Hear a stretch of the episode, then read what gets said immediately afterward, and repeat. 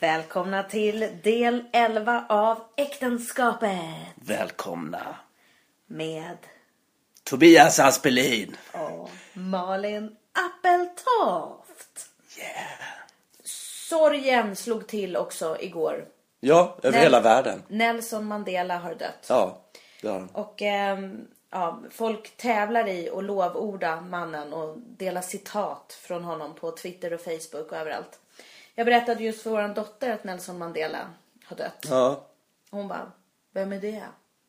Men hon är ju bara 11 år. Men jag försökte förklara lite för henne vem han är och vilken stor och fin man och vad han har gjort och eh, sådär. Jag försökte berätta lite om Sydafrika, att han satt i fängelse på Robben Island och då svarade hon bara så här, jaha. Så om en president dör, då gråter alla. Men du vet att ett barn dör varje sekund runt om i världen. Skriv det på Facebook. Ja. Skriv varje sekund. Så där blev ja, det tycker jag var jävligt bra sagt faktiskt. Och så var jag så här, ja men vad Det fan. var riktigt bra sagt. De barnen har väl inte uppnått något. Nej men, nej, men jag ska säga, det är självklart jättehemskt. Och då, då kom hon in på, ja och det har varit en katastrof i Filippinerna. Det Och kände hon till. Ja. Ja. Och det åker dit journalister som filmar små stackars barn som svälter och bär tunga saker på huvudet. Varför hjälper inte folk till? Varför står de bara och filmar? Men du, jag måste bara säga det här med Nelson Mandela. För min första reaktion var så här. Jag skrek ju nej. Från när, du, när du ropade att Nelson hade Ja. Jag var i badrummet och hade typ stod och pissade eller någonting. Så bara, Jag sa till dig så här, Tobias, jag fick just höra Nelson Mandela är död. Och då måste man ju ändå tänka så här, han har varit sjuk länge, han är 94 år och du ställer och skriker i badrummet. Nej! Jag vet. Men det var min bara spontan... Nej men det blir ju så här, varje gång liksom en hjälte faller så blir ju världen lite fattigare på något sätt. Ja. Det kan jag tycka om alla så här stora män. Men samtidigt så tänker man så här, fy fan vad skönt. Stora kvinnor då? Ja, stora, förlåt. Jag menar stora människor. Tjocka eller? Nej, men jag menar ja, verkligen, verkligen kvinnor och män. Ja. Men det är på något sätt, det blir en slags, just hjälte blir någon slags the man. Ja, jag vet inte. Fan, ja. Ja, där föll du i gropen. Där föll jag riktigt i skitgrop, mansgrisgropen. Men i alla fall, vad skulle jag säga nu då? Jo, men då tänker man bara så här, tänk vad hemskt det skulle vara om, om Nelson Mandela fortsatte att leva och liksom var senil och de tejpade ihop hans huvud han hade, liksom, och fixade allt det där som han har haft, alla hans sjukdomar och grejer. Och, Tejpa ihop huvudet.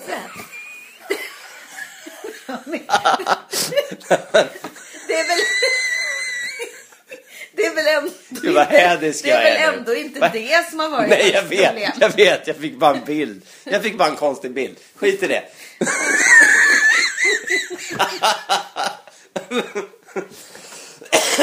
Men herregud, han var ju gammal och trött. Jag vet, han var jättegammal. Det, det jag försöker säga är att man, man, liksom, man fixar upp den här jättegamla människan som egentligen kanske borde vara död. Och sen så gör han massa dumhet. Tänk om Ja. man ska bli så här senil. Och, det finns ju vissa människor som blir elaka när de blir gamla. Jo. Och går runt och liksom slår små barn med käppen och sånt där va. Och det vill man ju inte höra om Nelson. Man vill ju att hans liv ska liksom på något sätt vara gott ända till slutet. Vi har väl inte nått som några nyheter att han skulle ha blivit elak eller senil eller Inte dumma saker. Det kanske har hänt. Försökt strypa sköterskan liksom. Ja, de kanske har tystat honom nu för att han inte ska liksom dra sitt eftermäle i smutsen innan han dör. Ja, kanske. Jag måste, jag måste faktiskt säga en grej kring det där med åldrande och eh, hur man förändras. Min farfar, han, han, blev ju, han var ju väldigt speciell va. Och min, min farsa hade en väldigt ansträngd relation till honom. Han hatade honom hela livet kan jag säga. Och rymde från honom och sådär. Och, då- och de hördes inte och, han, och, och sådär. Det var jävligt frostigt de, de få gångerna jag träffade honom. Men på slutet tydligen då, när han blev äldre, så hamnade han på något hem. Och sen så upptäckte de att han hade B12, alltså B-vitamin, B12-brist. Så de matade honom med B12-vitaminer och då blev han snäll. Ja. Efter att ha varit elak ett helt jävla liv. Du vet, han var skitjobbig. Du vet, de ringde till min farsa och klagade på, på det där hemmet att han var så elak liksom, och nedlåtande mot de här unga vikarierna och sådär va. Och sen så min, min farsa hade ju träffat en, en kvinna från ett annat land och då, det visade sig att han var ju rasistisk också. Så han ville inte åka och hälsa på dem för att hon var utlänning och sånt där. Och sen på slutet så lovordade, när han fick mediciner, han lovordade hennes mat och gick ner på knä fast han knappt kunde och kysste hennes hand och du vet, han blev en helt annan person. Han fick inte andra droger, var det bara B12? Det låter ju som att det var mer alltså. Man blir lite sugen på vad, vad det var han petade i sig. Men jag tror att jag har läst någonstans faktiskt att om man har kanske någon ehm, ehm, ja, neuropsykiatrisk nedsättning så kan faktiskt B12 kanske hjälpa upp. Ja, ja okej. Jag, jag vet Ja, nej, jag vet jag inte. har för, mig att jag läst någonting någonstans. Och han kanske fick jättemånga bra piller. Så, Nej men du vet, han lät håret växa så han såg ut som en hippie och gick omkring med stora så här kaftaner och liksom han blev, han blev värsta hippien på slutet.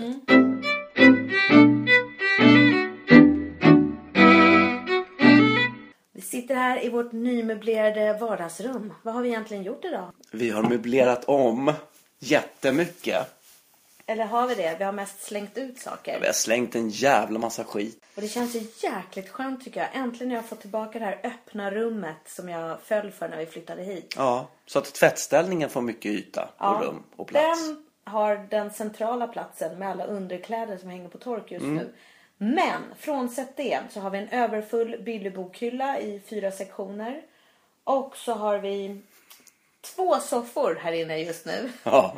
Och några sideboards. Ja. Och så har vi kastat ut en stor bokhylla med Ja. massa grejer i.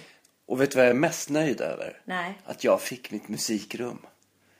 Nej, det här är Jo. ett vardagsrum Ja, fast nu står det tre gitarrer här och en keyboard. I din, och, en, och en förstärkare. I din arbetshörna så har du lite musikinstrument. Ja. Vänta, ursäkta, har du hämtat ut ett till En instrument? till el- elgitarren tog jag ut. Ja, men vad fan, du kan ju inte hämta mer grejer och ställa här. Nej, men jag tänkte att den skulle passa fint med de andra. Den kände sig lite ensam där i sonens rum. Han spelar ju aldrig gitarr. Ja, ja, jag bara känner att när vi äntligen börjar få lite ljus och rymd så ska du hämta nya Ja. grejer. Men du, vad, vad känner du nu? Tänk, tycker du ändå inte att det blev lite bra? Det är skitmysigt med den här öppna, fräscha... Ja, För det, underbart. för det slog mig att det du har jobbat Men jag för... är lite full också. Ja, det Nej, jag du har skojar. jobb... Jag sitter och dricker här lite vin. Ja, vi skulle ta ett glas vin till maten. Ja, ja. två tog jag. Nej, men eh, jag tänker på att de här sex åren vi har bott här så har du arbetat aktivt för att proppa igen det här rummet och att dela av det och att liksom förstöra rymden i Ja. det. Men nu börjar jag inse att jag, det var kontraproduktivt. För jag gillar ju när det är lite så här öppet. Ja. Jag ska slänga allting. För nu börjar vi få lite så här ateljékänsla Mm. nästan. Jag tänker slänga allting, tror jag. Vad menar Så tänker jag måla roliga figurer på väggarna. Ta bort alla tavlor, allting. Gå omkring naken utan kläder. Jag ska slänga allt jag, alla kläder. Men nu pratar du ska om något raka av mig ögonbryn och hår Okej, och allting. men då är det här inte i ett äktenskap med mig utan nu pratar du om ett annat liv. Jag pratar om en, eh, det är mer en illustration av hur jag skulle vilja leva Okej. mitt liv. Jag tror inte du skulle orka med dig själv så länge. Kanske inte. Men det är mer en känsla av att liksom befria sig från allt slagg. Har du märkt vad jag har börjat jobba Ja. på? Som, Nej! Som eh, växer fram för varje vecka kan man säga. Helvete! Hur länge har du hållit på med det där? Har du inte sett vad det är? Det är alltså en, två, vad fan. Det är elefanter och gorillor och giraff. Ja, Men för i helvete vad många djur. Hon har ställt upp ett helt jävla safari, en hel djurpark i vår Nej. bokhylla. Med olika gummi, plast och trä och keramikelefanter. Du är för fan pervers Malin. Jag älskar elefanter. Ja, men herregud. Medans barn... Medans barnen rensar ut sina leksaker så jag har tagit tillvara de djuren som jag älskar mest. Som stod i deras rum. Ja, så att jag har sagt det där får ni inte slänga, de tar jag. Så att jag har en gorilla, fan. orangutangfamilj, schimpanser och Och massa olika elefanter i olika ja, storlekar. de är på väg till ett vattenhål. Var ligger det då? Kan, Jag ska du inte. skapa det? Och jag känner att jag kommer skapa mer plats för de där djuren och de kommer bli fler. Så att den där hyllan kommer okej. bli min. Okej, då, ska, då, får du, då ska du få se vad som händer i andra delar av det här rummet så småningom. Eller så händer det grejer på, det kan hända grejer på balkongen också. Utan att man märker det. Som vadå? Successivt. Jag vet inte. Det kommer du märka i vår när du går ut där. När snön smälter bort så kommer det ligga spännande grejer där. Ja, Men det är inte så att vi liksom skulle tjäna på att båda var nöjda? Att vi hade det mysigt Nej, tydligen inte. Vi gillar ju att överraska varandra på ett negativt sätt. Gör vi? Ja, tydligen. Jaha, okej. Det är något vi har börjat med. Ja. Ja, ja. Jag har en kompis, hennes man älskar att överraska henne. Och gärna sådär på ett dumt sätt så att han får göra om det. Han, han snickrade ett litet bord som hon kunde ha sin skrivare på till datorn. Fan vad gulligt Hon är av journalist. Hon ska, ja, han höll på i flera Jävligt gulligt måste jag säga. länge och höll på liksom och snickrade och sandpapprade och höll på. Men sen gick han och köpte en illgrön färg i någon fruktansvärd nyans som han visste att hon absolut inte skulle gilla. Och så sa han så här, nu får du komma in. Och så såg hon det här bordet och så bara, nej men du vet ju att du kommer behöva måla om det här. Jag vet. Men varför? Nej, han tyckte att det var värt det. Att Varför? Att hon skulle först bli glad och sen besviken? Ja, Eller vadå? hon skulle tycka att det var den hemskaste färg hon någonsin hade sett. Så han var tvungen att måla om det sen då.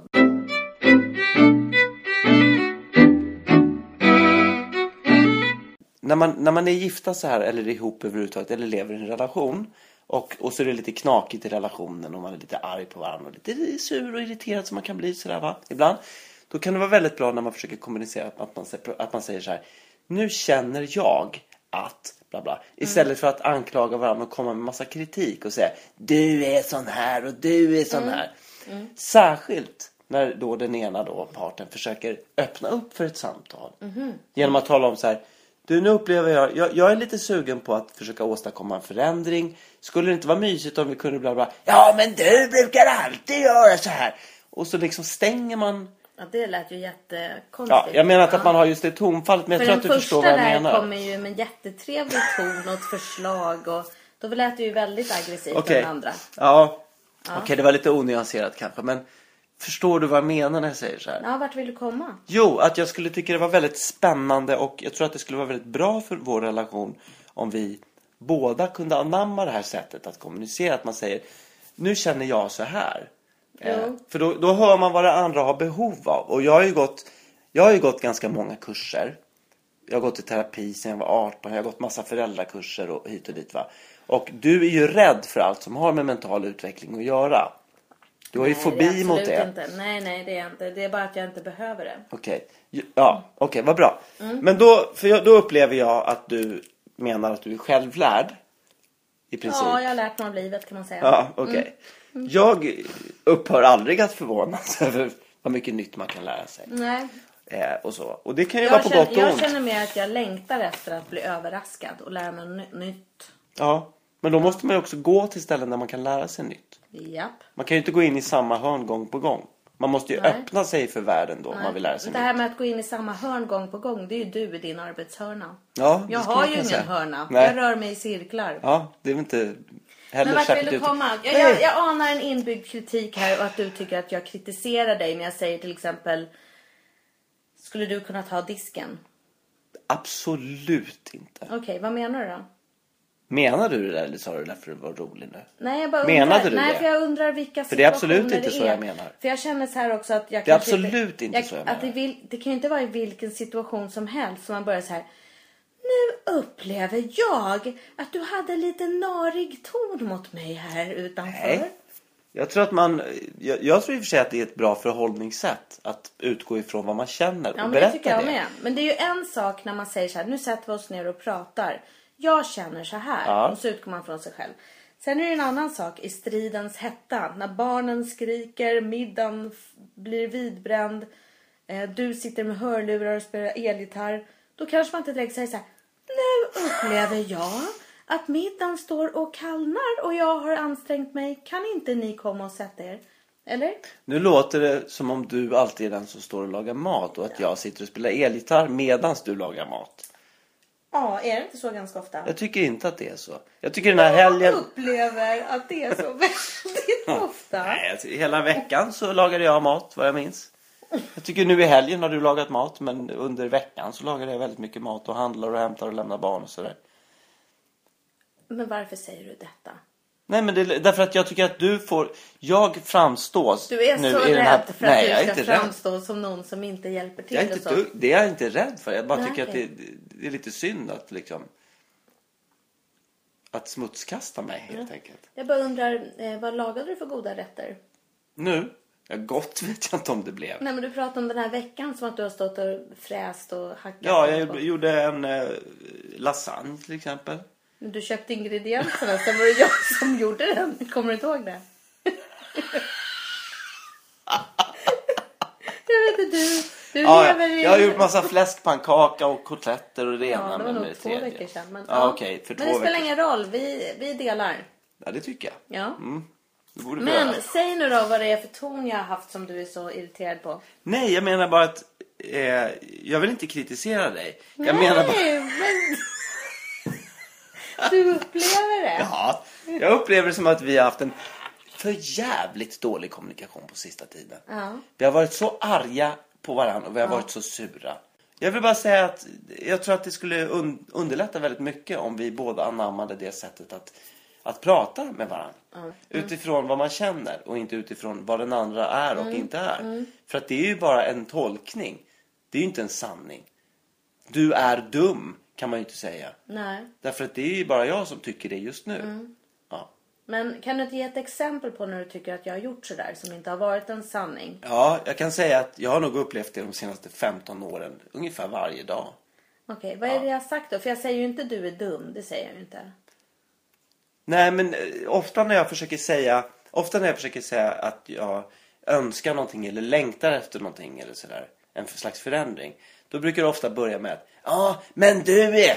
Så, så, här, så att ungefär som att...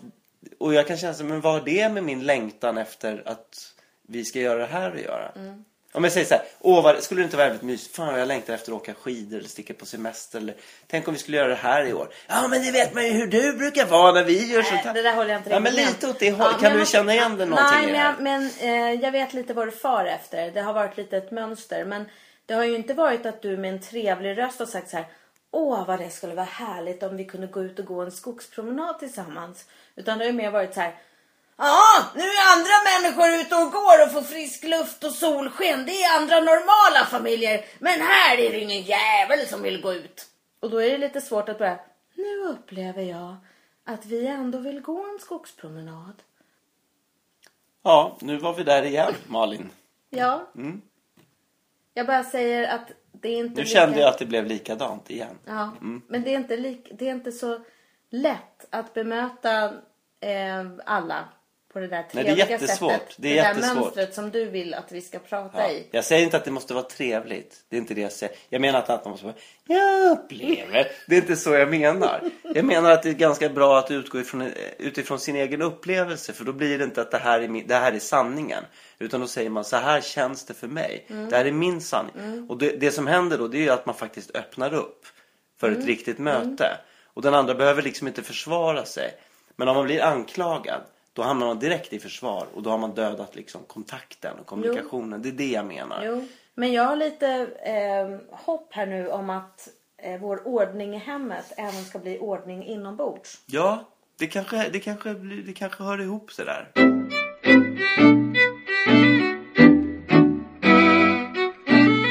Eh, jag vet ju att du har varit på provfilmning och du har fått komma tillbaka. Ja. Eh, men vi har liksom inte riktigt haft tid att prata om liksom detaljerna. Men Jag allt... tror inte att jag har velat prata om detaljerna heller. Okej. Men, men vad jag förstår så, så fick du åka hem till Kai Pollak. Det- var, det var jävligt speciellt att komma dit. Eh, han hade en lokal då i Sundbyberg eh, dit jag fick komma. Och då hade han skrivit en, en, namn, en handskriven namnskylt på dörren med röd fin text med böljande bokstäver. Välkommen Tobias. Och så kom jag in och då var det lite... Det var ju li- gulligt. Ja, det var jättegulligt. Ja. Och så var det levande ljus och klassisk musik. Och hans fru kom och tog emot mig. Och Hej Tobias. Och så fick jag en kram och det var så otroligt kärvänligt.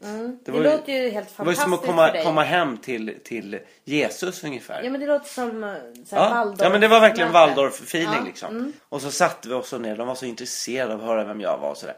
Pratade vi lite, bla bla bla. Och sen så tänkte jag så här, ja, jag har ingen aning om hur det här gick då. Eh, men vi pratade och det kändes som vi kom ganska nära varandra och sådär. Och sen så, och, och jag kände så här, men fan det här, jag fick kontakt med honom kände jag. Han såg någonting och han, mm, vet, hans ögon trängde sig in i min hjärna och liksom, var, han var väldigt så, han hade väldigt starka ögon och det kändes Kändes som att det behagligt att du blev bekräftad eller blev du rädd? Ja, men det var lite som den här, den här filmen Tintin. När han är i, han träffar någon sån här indisk eh, hypno, hy, Ja, den här hypnotisören hypnotisör. i, Ja, i djungeln. du vet så här. Så, börjar, så börjar allting sväva, man lyfter lite. i ögonen. Ja, lite den känslan hade jag. Till slut så hör man bara sin röst avlägset liksom. Och det känns som att man åker in i Kai Pollak liksom. Ja, det är som att ta lustgas och föda barn. Nej, kanske Ja. inte. Men ja. Fast utan det där skrattet. Det här är mer allvarligt på Man hör sätt. sitt skrik lång, någonstans långt på avstånd. Is it anybody in there? Mm. Nej men det är lite så här ett, ett sug in i en annan värld kan man säga. Ja. Och då fick jag ju spela med, då var hans fru där, så låg det en hund på golvet och sov. Okej. Och det var ganska upprörda scener liksom. Och jag var lite rädd för jag tänkte så här, om jag stör hunden nu, Mm. då kommer de säkert bli arga på mig för att, för att, för att jag är så här, om jag skiter i hunden du vet, springer och råkar skuffa till den här sovande byrackaren, då kanske de blir arga på mig för att jag liksom Mm. Ja, tycker att du är okänslig. Ja, du vet. Så jag, jag var tvungen att balansera så jag kände jag kunde inte ge max där va. Nej. I, I aggression och ilska och sådär liksom.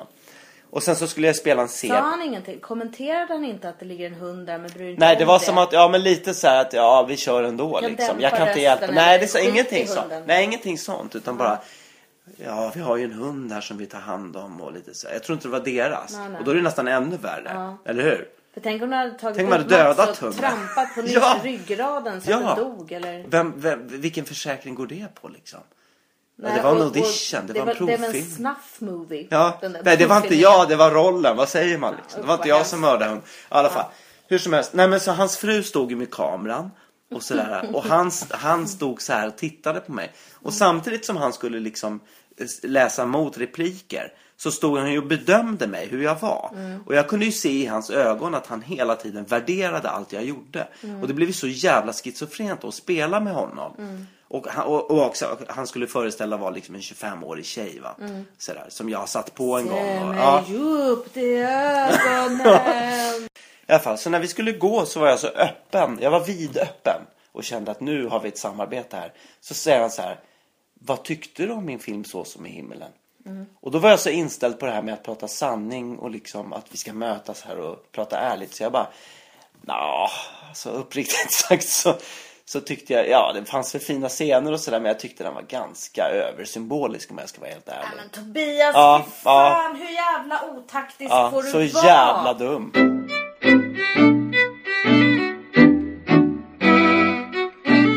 Du fick ju äran att vara med på våran sons klassfest igår. Ja. Eller klassfest, det var det hela årskursen. Det var va? hela, alltså de var hem, 152 barn 152 barn i årskurs 7. Ja, de skulle ha en, de gjorde ett uppspel för alla. Och då skulle, så skulle de ha disco efteråt. Ja. Och eftersom jag heter Aspelin, du heter Appeltoft, så hamnar ju vi alltid på, som klassföräldrar i varenda jävla skola. Det, det är bara väldigt förvirrande nu för det kommer olika mejl och grejer man ska ordna och jag håller knappt reda på vad som är för vilken skola.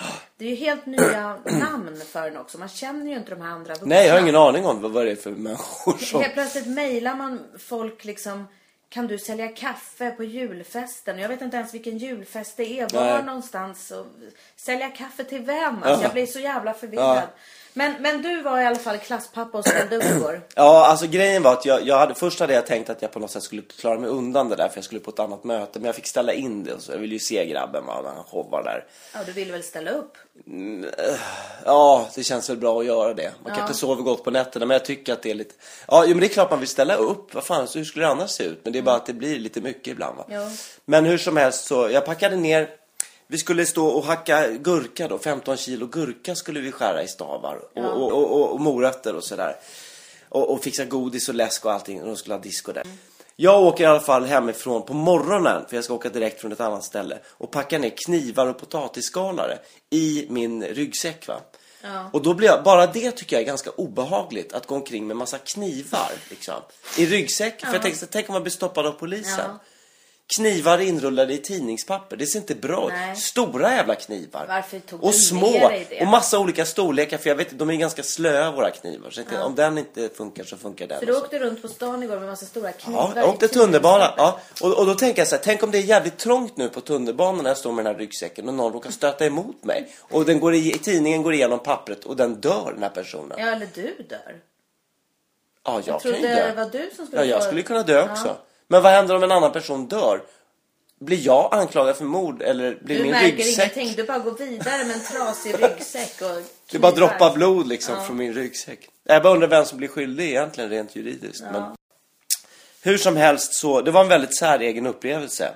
Men alltså för först hade ju våran son gapat och skrikit om att du inte skulle få sätta din fot Ja, jag vet. Han var ju jättearg och ville inte att du skulle komma dit. Han skulle inte gå på festen om, jag, om han såg skymten av mig Nej. så skulle han dra från festen. Fast sen ville han någonstans att vi skulle se föreställningen. Så Jag då- tror han tyckte det var jättemysigt att jag var där och kollade. Och han var jättespänd på vad jag skulle tycka efteråt. Eftersom jag själv är skådespelare också så tror jag han liksom tyckte att jag, eller han tänkte nog att jag skulle vara väldigt, väldigt kritisk och sådär. Men jag blev jättestolt och det var så skönt också att inte behöva spela det. Jag var verkligen, han var faktiskt jättebra. Ur, alltså ur mina professionella ögon sett. Han pratade tydligt, han tog i, han menade vad han sa. Han vågade andas på scen. Han tog det lugnt så att det blev spännande. Men hur vet du att han menar vad han sa? För han berättade ju för Jag har ingen aning om vad han, han menar men berättade han... för mig att hans knep det var att stirra tomt i väggen. Då skulle folk tycka att där sitter en kille som tänker och ser Ja, spännande men då, det, det gjorde han och det funkade. Så vad han tänkte på det skiter jag i. Det, det, han, han, det såg ut som att han menade det han sa. Många av de där andra barnen, de flackar ju med blicken och tittar mot publiken och pratar med varandra och tror inte att det märks liksom. Här känner man en kille som hade koll på läget. Han spelade dessutom psykpatient liksom. Ja. Han spelar psykpatient som är sjuk och sen förstår man att han inte är sjuk. Utan att han är placerad på fel ställe. Och att han egentligen är smart. Så att han hade faktiskt en jävla utveckling i sin roll också. Kände du att du identifierar dig med den där rollen? Eh, ja fast från mig har det gått åt andra Ah, hållet. okej. ja, nej men det var faktiskt, det var, det var jävligt kul. Och sen så var det disco då. Och då tänkte jag att nu måste jag ju sticka va. Men eh, då, nej men jag var kvar där ett tag och liksom Jag tänkte att jag ska undvika att titta på honom. För då, då, jag vill inte att han ska känna sig uttittad. Jag tittade ner i golvet och sen så, så fort han kom så vände jag bort blicken och liksom gick åt ett annat håll och sådär. Det låter som en, egentligen som en jätteotrevlig person som inte tittar på en, vänder bort blicken och går åt ett annat håll. Men det kanske var rätt strategi. Jag tror, jag tror för min då. egen del, för att om jag skulle se honom om, han höll på med någon bus, då skulle jag börja värdera det. Och, så jag vill inte veta vad han gör här. Han ska få vara i fred. Liksom. Men det som jag tycker är lite knepigt, det är det där Just när man är klassförälder, vi har ju pratat om det med fotbollsföräldrar och kallprat och sådär. Jag tycker det är väldigt svårt att veta vilken nivå man, liksom samtalet, vilken nivå man ska lägga samtalet på. Jag tycker det är skitsvårt, jag tycker faktiskt det är jobbigt med människor överhuvudtaget. jag blir helt utmattad efter en dag. För att jag vet liksom inte, man börjar prata med några föräldrar och så börjar man prata om, ofta kommer man in på det här med skola. Eller vad, man ska, vad de ska äta, vad barnen ska äta och vad man har för regler. Och det blir så jävla tråkigt Men jämt. Tobias, det är väl ett sätt att börja småprata, kallprata. jag tycker aldrig man kanske- kommer längre. För att kanske sen öppna upp och berätta vilka diagnoser man har eller hur man mår eller om man har skilt sig eller om man Ja, men jag tycker aldrig man kommer dit. Jag tycker man, man, man kommer till liksom att man pratar man pratar om barnen och ja, vad har du? Jo, jag har en sån här GPS så jag kan se vart de tar vägen och ja, nu är det så mycket med kompisar, hur ska man göra? Och veckopeng. Sen till, till slut tycker jag det visar sig att alla är rasister liksom när man, får, när man kommer närmare. Eller man, det är någonting man stör sig på Men hur efter ett menar tag. du nu då? Nej men sen när man, när man börjar komma djupare så tycker jag det börjar bli ot otrevligt på något sätt. Men du kan ju inte gå och vara klassförälder och få för att alla är rasister. Nej, och de, just de här menar jag inte att de var det. Men det, du för- förstår du vad jag menar? Att, jag tycker att det är väldigt svårt att veta liksom. Jag, kan inte, jag tycker inte att det är tillräckligt spännande att bara prata om skola och recept och vädret och har du köpt vinteroverallen till din pojke liksom eller sådär va. Det tycker jag är astråkigt. Och man kan inte heller prata om liksom vad som helst med dem för då tycker de man är helt sjuk. Men jag är ju van liksom när jag, när jag när jag frilansar och jobbar med olika personer. Det är att man träffas, man jobbar ihop, liksom, man repar ihop i, i åtta veckor. Man pratar om allt. Du vet, folk har cancer och de dör och det är otrohet och du vet, någon planerar att liksom, inte planerar att mörda någon kanske, men du vet, det är på en jävligt tung nivå liksom. Någon har precis varit och hälsat på liksom, eh, någon brorsa som sitter på kåken och det är väldigt så här, tunga, djupa existentiella grejer. Men Tobias, så kan man ju inte leva hela tiden. Du kan ju inte ha alla kontakter med människor på en tung nivå. Ja, men jag har ju det. Men du måste ju Jag kunna, lever så. Du måste ju kunna tänka att när du går till ICA och handlar så har du en relation där till... Ja, jag vet. Det är ju så det funkar i verkligheten. Men jag kan... Jag, jag vet inte hur man gör. Jag vet inte hur man drar gränsen mellan den här intimaste, alltså den här, den här nivån där man delar allt med någon väldigt nära vän. Eller liksom den man på något sätt lever ihop med och man kan lita på fullkomligt. Och vad man kan dela med någon man träffar på ICA. Eller någon man bara liksom pratar med i telefon. När jag ringer till någon så här reception, alltså du vet så här jag ska fråga vård, alltså vårdcent- man ska fråga efter någonting eller en bilmäck eller vad fan som helst liksom. Så kommer man till en växel och de frågar så här, ja vad kan jag hjälpa dig med? Då be- berättar jag verkligen vad de kan hjälpa mig med och det är ju jättemycket saker som, jag, som jag skulle vilja ha hjälp med. Men jag hinner ju inte komma liksom mer än så här kanske du vet 25-30 meningar innan jag blir stoppad. Och de säger så, ja då ska du få prata med och så kopplar de bort mig liksom, till någon annan. Och så börjar det om igen, samma. Och sen blir, när, du har, när du har presenterat dig och öppnat ditt hjärta för några sådana här växeltelefonister eller receptionister. Till slut blir du ju arg. Så när du till slut äntligen kommer till rätt person, då är ju du redan Jag är arg. helt uttömd eftersom jag har arg pratat och så mycket. Mm. uppeldad och liksom bara... Det blir bara, ja vad kan jag hjälpa dig med? Uh, alltså då har du liksom berättat för alla växeltelefonister allting. Ja, nej men förstår du mitt dilemma? Och Ja, det där, jag, jag kan vet inte om det finns någon kurs känna, i det. Jag kan inte alls känna igen mig i det, men eh, det låter som ett dilemma. Det är svårt och du pratar ju ofta om det här med att man ska fatta sig kort och sådär va. Och, och, och det är ju där vi är olika. Det, Säger kanske, jag det ofta? det är kanske bara är till mig du säger det. Jo, när jag ska säga, du jag måste bara berätta säger jag till dig. Och du säger så här, fatta dig kort, brukar du faktiskt säga. Ja, men jag har ju lärt mig nu efter 15 år med dig att om jag inte säger det, då pratar du så himla länge och varje detalj. Ja. Och när jag är på väg till jobbet eller jag ska somna eller så här, jag orkar inte lyssna på varje detalj. Vet du vad du gör? Du blundar, suckar och så kan du ibland säga så här, kom till poängen. Kan du säga också. Ja. Jag tycker det låter som att du och jag är två jätteotrevliga personer. Jag blundar och suckar och säger bara fatta dig kort, kom till poängen. Och du tittar inte och går åt ett annat håll när ditt barn kommer på ett disco. Ja. Ja, eh, våran sjuåring är ju rätt kul. Han sa till mig häromdagen så här. Mamma, när jag blir stor, då ska jag bli ståuppkomiker. Ja, ah, vad kul, sa jag. Då kan du och jag åka på turné tillsammans. Då svarar han så här. Ja, då kan du bli nya Lill-Babs. Och medan jag står och tänker på Lill-Babs, hur otroligt välbehållen och vital hon är för att vara 75 år. Och jag står och tänker så där kommer jag aldrig lyckas bli. Då hör jag hur han går och nynnar bara. Då ska jag leva livet, ja, leva livet. ja. Men du tänker, du tänker att han menade Babben först va? Att han tog fel, att han tänkte att, det- att det måste ju vara Babben. Liksom. Jag vet faktiskt Babben inte vad Larsson. han menar. För Någonstans tänker man att det borde vara Babben. Men han älskar ju Lill-Babs. Ja. Han tycker att Lill-Babs är toppen. Ja. Och han kanske tycker att hon är jätterolig. Ja, han gör nog det. Jag vet inte om hon är känd för sin fantastiska humor och sina skämt. Men hon skrattar mycket och folk ler ofta när de är med henne. För att hon är så liksom energisk och sådär. Fast du skulle väl inte säga att hon är en stå-upp-komiker? Nej, men jag menar, nej men eh, han har väl kanske lite svårt att avgöra vad som är humor också när han, när han om han, om han råkar kolla på stand-up på något YouTube-klipp eller så, då kanske inte han riktigt tycker att det är humor heller. Det är ju inte hans humor. Nej, nej. Han gillar de här katterna som flyger på regnbågar och de här Jo. olika konstiga programmen liksom. Ja.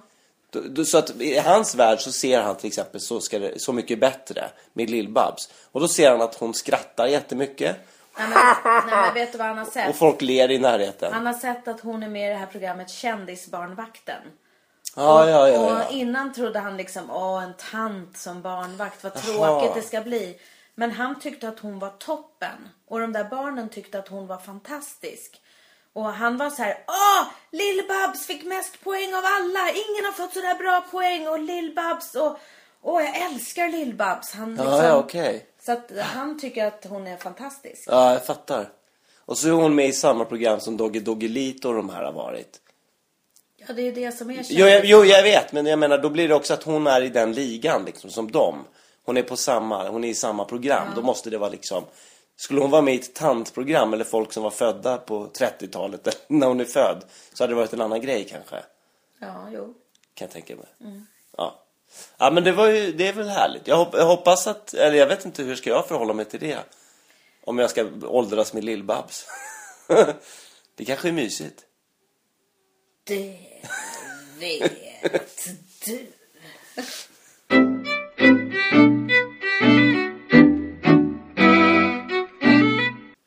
Jag vill verkligen, jag vill verkligen att, att det ska vara bra. Att äktenskapet ska vara bra. Vilket äktenskap? Det här äktenskapet? Alla typer. Eller Kai Pollaks äktenskap? Alla typer av vårt äktenskap. Mm. Det tycker jag med. Välj glädje. Ja, vi säger så.